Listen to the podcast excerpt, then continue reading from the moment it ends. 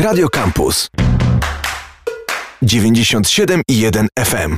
Istnieją jeszcze na świecie tacy ludzie, którym zależy na dobru naszej planety. W studiu Radia Campus goście Ania Derda i Dominika Zub z Fundacji Las na Zawsze. Cześć. Dzień dobry, cześć. cześć. Misja fundacji to jest nie tylko sadzenie drzew, przede wszystkim sadzenie drzew, ale też tworzenie społeczności, której zależy na lasach. Tak, dokładnie. My w, y, lubimy mówić, że to jest sadzenie lasów, nie drzew bo y, to, co my robimy, to jest sadzenie całych y, takich systemów wzajemnych powiązań. Sadzimy przede wszystkim drzewa liściaste, sadzimy krzewy, sadzimy drzewa owocowe mm, i tworzymy takie enklawy naturalnych lasów, które mają jakby rosnąć, rozrosnąć się i zdziczeć. A oprócz tego, tak, bardzo ten aspekt y, społeczny jest dla nas ważny. Chcemy zachęcać ludzi, żeby wrócili do natury, żeby odnaleźli taki szacunek dla natury, który gdzieś tam jako społeczność wydaje nam się, że straciliśmy trochę. Więc e, angażujemy ludzi. Sadzenia nasze są zawsze otwarte. E, więc potrzebujemy też rąk do pracy. Zwykle dajemy znać na Facebooku, więc zachęcamy.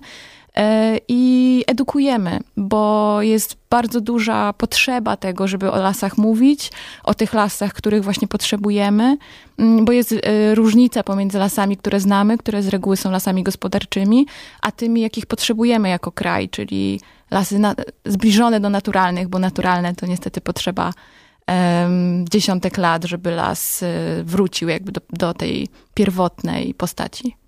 I oprócz tego, że społeczności ludzi, no to nasze lasy to też społeczności roślin, bo bardzo dbamy o to, żeby te lasy były bioróżnorodne i dzięki temu różne gatunki mogą ze sobą sprawniej współpracować. No a my od, od tych gatunków możemy się uczyć, bo jako ludzie też, e, tak jak Ania powiedziała, zapraszamy zawsze na nas, nasze sadzenia.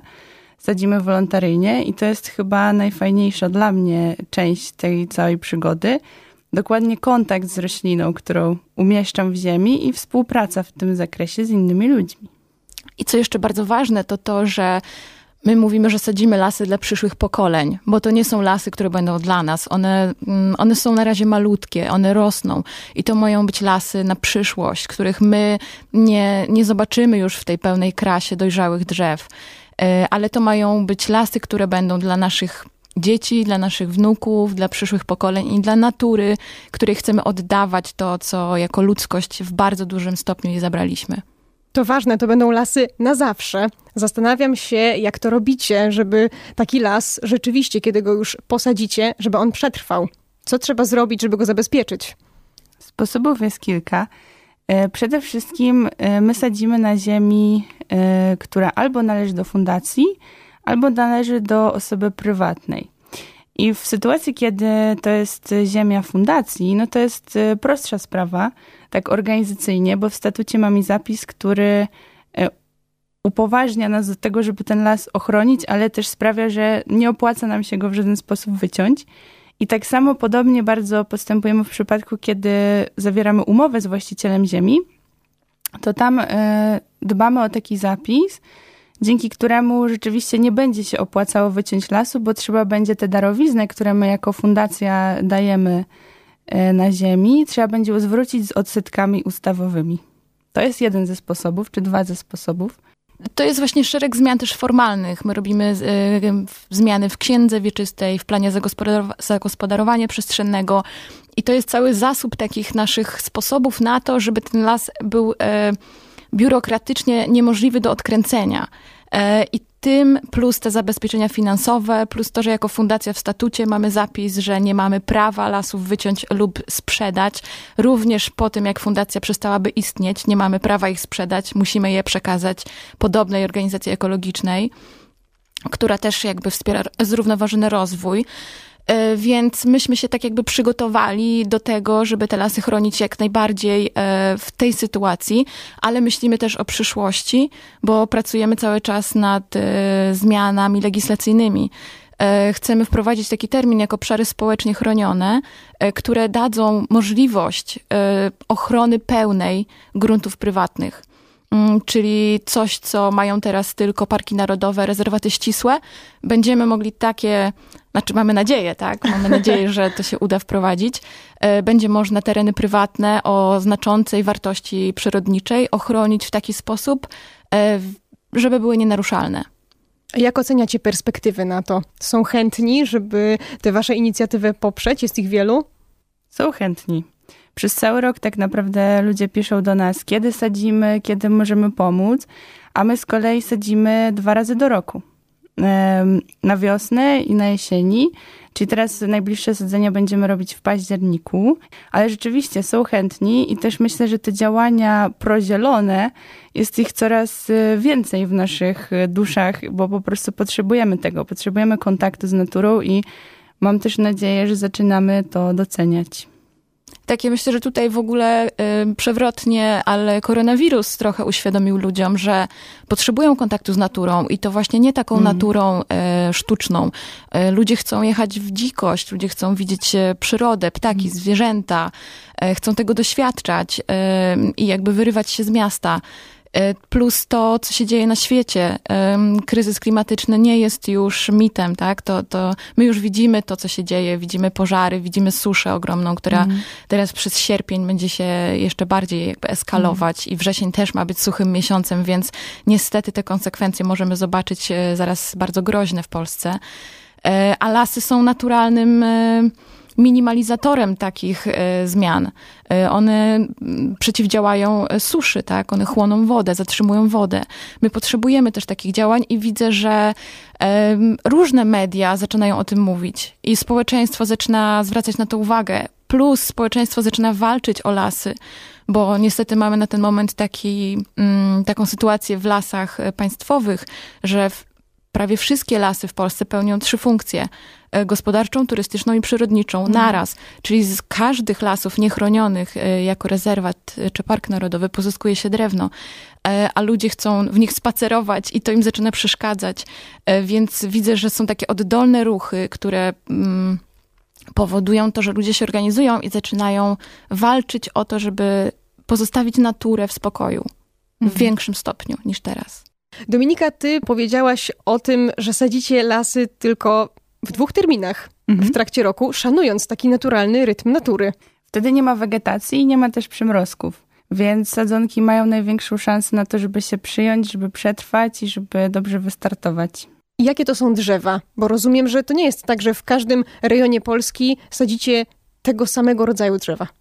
Lasy. E, nie, my się posługujemy taką mapą roślinności rdzennej. To jest jakby nasza podstawa.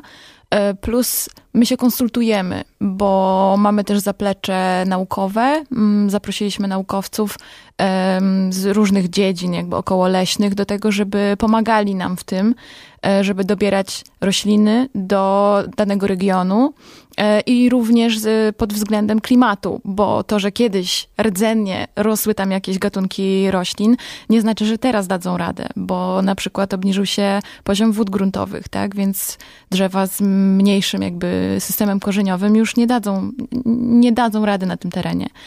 Więc y, my sadzimy rdzennie polskie drzewa z reguły i unikamy gatunków inwazyjnych, bo w lasach też jest bardzo dużo gatunków inwazyjnych, które na przykład świetnie sobie radzą w naszym klimacie y, i na naszej ziemi, ale wypierają nasze rdzenne gatunki. Więc chcemy, przywracamy tym samym e, te gatunki, które na przykład zostały wyparte, bo bardzo dużo polskich lasów to są monokultury sosnowe lub świerkowe, mm. bo to są drzewa, które rosną najszybciej, e, rosną proste, z których pozyskuje się proste deski. A tak nie wyglądały kiedyś polskie lasy. Polskie lasy były liściaste. E, więc my sadzimy głównie drzewa liściaste. Czyli chcecie tak powrócić do korzeni. Dosłownie. Do, od korzonków, dokładnie. Tak, tym się zajmujemy. Ania, powiedziałaś rośliny, oprócz tego, że drzewa. Czyli to nie jest tak, że jak sadzicie las, to są tylko drzewa. E, nie, to są również las krzewy. w pełnym kształcie. Tak. tak, to są również krzewy, to są również drzewa owocowe dzikie. E, bo my chcemy zachęcić ptaki do tego, żeby gniazdowały na naszych terenach. I te ptaki jeszcze bardziej podkręcają tą bioróżnorodność, bo one przynoszą te nasionka, ziarenka, więc jakby my chcemy, żeby te tereny nasze były dla nich atrakcyjne. E, I co jeszcze robimy, co jest istotne, to przenosimy monolity gleby leśnej. E, czyli po pięciu latach około, jak las się już troszeczkę e, ustabilizuje, wzrośnie i zacieni, bo to jest istotne, my przenosimy takie kubiki ziemi leśnej, gdzie już są grzybnie e, leśne, bo to są organizmy, które się bardzo wolno przenoszą. Więc żeby powstał tam naprawdę organizm leśny, to potrzeba też tego, tego, żeby te grzybnie rozrosły się po systemach korzeniowych właśnie i objęły las jakby tym jednym wielkim komputerem, bo las jest genialny w swojej złożoności dzięki właśnie tym organizmom, które tam funkcjonują pod ziemią. Oprócz tego, że Ania powiedziała o ptakach, to jeszcze wspomniała o drzewach owocowych. To są jedne z drzew, które y, mogą wspierać oczyszczanie gleby. To znaczy, to rzeczywiście istnieją gatunki, y, które wspierają proces glebotwórczy i lasotwórczy. I to są między innymi gruszka, na przykład grusza dzika. E, I to jest też coś, na czym chcemy się skupić, dlatego że żeby las rzeczywiście mógł tam zamieszkać, się rozwinąć i żeby ta grzybnia mogła powstawać i komunikacja między roślinami mogła płynąć, to potrzebujemy gleby, która w jakiś sposób oczyści się z tego, co zafundowaliśmy jej przez x lat. Czyli jakoś musicie ją przygotować na to. Tak, mhm. i często przygotowujemy to we współpracy z gatunkami, które sadzimy, i one później obumierają, wychorowują część chorób. I dzięki temu przygotowują też podłoże dla kolejnych drzew, które będą mogły rzeczywiście wyrosnąć już potężne dla przyszłych pokoleń. Tak, takim gatunkiem na przykład e, świetnym jest brzoza, która wychorowuje. Mhm. To są tak zwane gatunki pionierskie, bo my sadzimy na nieużytkach z reguły i to jest ziemia, która przez lata była nawożona, e, była pryskana, więc tam jest bardzo dużo też e, różnych substancji w glebie, które no nie są dobrą podstawą mm. do tego, żeby tam się rozwinął las. Więc te drzewa, tak jak powiedziała Dominika, one po prostu wychorowują te metale, te substancje, które są w glebie i potem naturalnie obumierają. To pierwsze pokolenie niestety będzie najsłabsze, e, ale na nim, jakby dzięki temu procesowi, późniejszy las, który się sam już zasieje, e, będzie mocniejszy.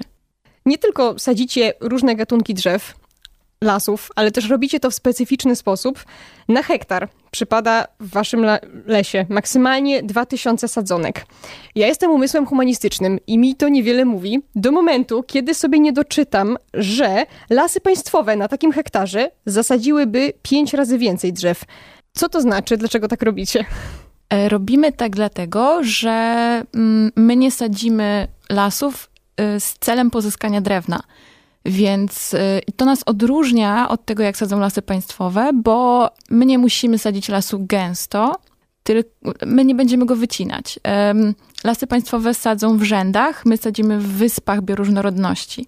Czyli te różne gatunki drzew grupujemy i sadzimy na, na pewnych obszarach, a obszary mm, pomiędzy nimi zostawiamy dla ekspansji, dla tego gatunku, który najlepiej się poczuje na danej glebie, i który będzie, natura zdecyduje, że to on tam najlepiej się będzie rozwijał.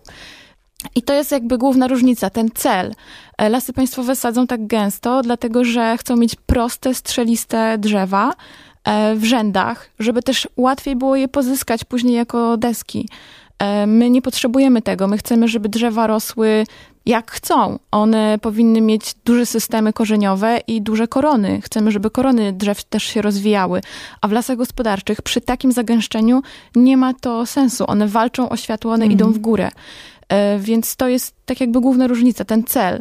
Ale też zaznaczę, że my też wiemy, że drewno jest potrzebne i wiemy, że lasy gospodarcze są potrzebne.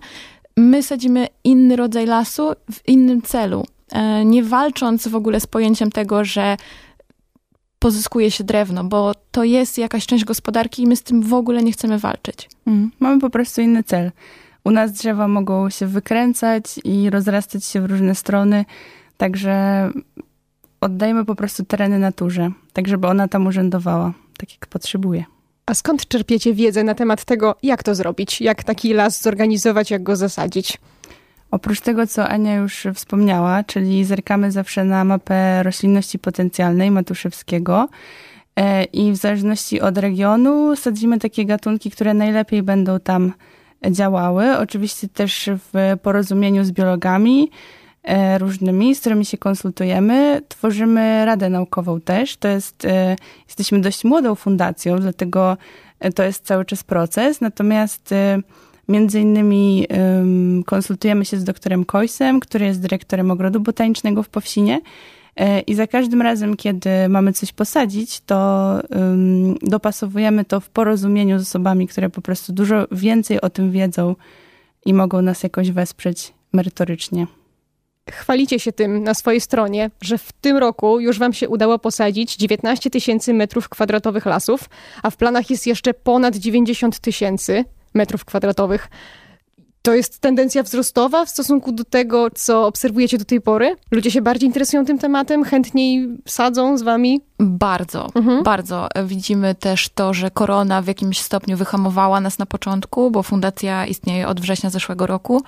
E, natomiast y, był ten, te dwa pierwsze lasy powstały. Pierwszy las to jest w ogóle las fundacyjny, zasadzony za pieniądze założycieli e, i to był taki las, żebyśmy się nauczyli, e, żebyśmy się też zobaczyli, jak to wygląda, e, czego nam potrzeba, gdzie mamy braki, bo my cały czas się uczymy, my jesteśmy też otwarci na to, żeby rozmawiać z naukowcami, um, i żeby prowadzić badania, tak? Bo na naszych lasach też możemy się wiele nauczyć.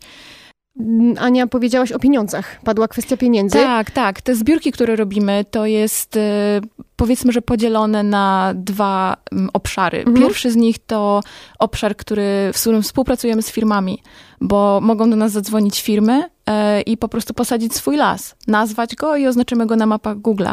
Ale wtedy obowiązuje nas również te, ta umowa darowizny i taki las nigdy nie będzie wycięty. To, to trzeba jakby zaznaczyć od razu. I tych firm jest też coraz więcej. I firm jest coraz więcej. E, skala się też rozrasta, bo, bo firmy zaczynają, chcą być zielone. Firmy też chcą na przykład y, zrekompensować swoje zużycie energii, e, chcą zrekompensować zużycie papieru, więc zgłaszają się do nas, bo jakby widzą tą ideę i ta idea im pasuje.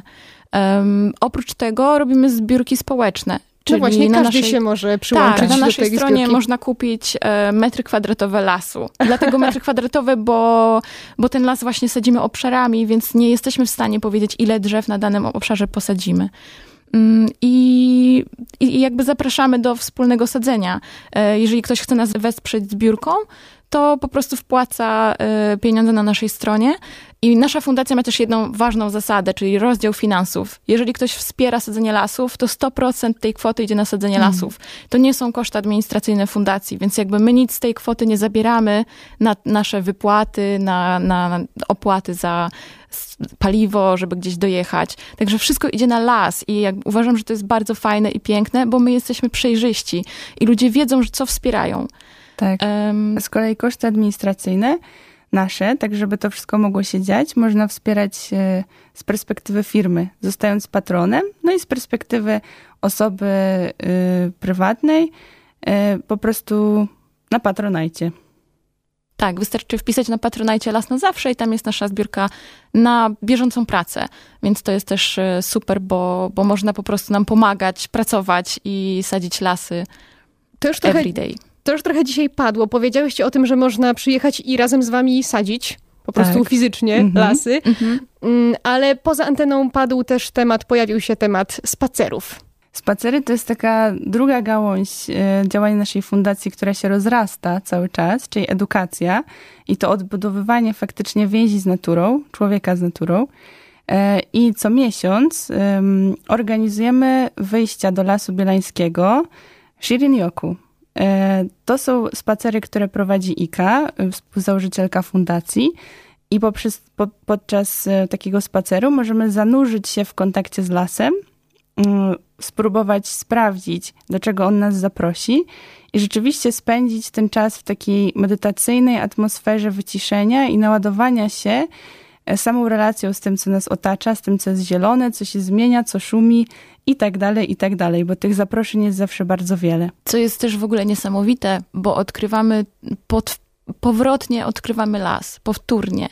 E, to, że las łagodzi stres, to jest też odpowiedź na problemy cywilizacyjne.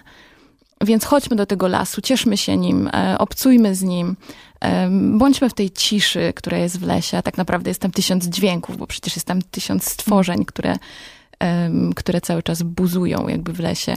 E, I to jest tak naprawdę lekarstwo na wiele, wiele chorób cywilizacyjnych i też na zmiany klimatyczne. Nie mówię, że to jest jedna, jedyna odpowiedź, bo to jest jedna z wielu rzeczy, które powinniśmy robić, ale na pewno to jest bardzo pozytywną zmianą w tym całym bałaganie. Więcej o Fundacji Las na Zawsze znajdziecie na ich stronie internetowej i na fanpage'u na Facebooku, a gośćmi Radia Campus były dzisiaj Ania Derda i Dominika Zub. Dziękuję wam bardzo. Dzięki bardzo. Dziękujemy. Radio Campus.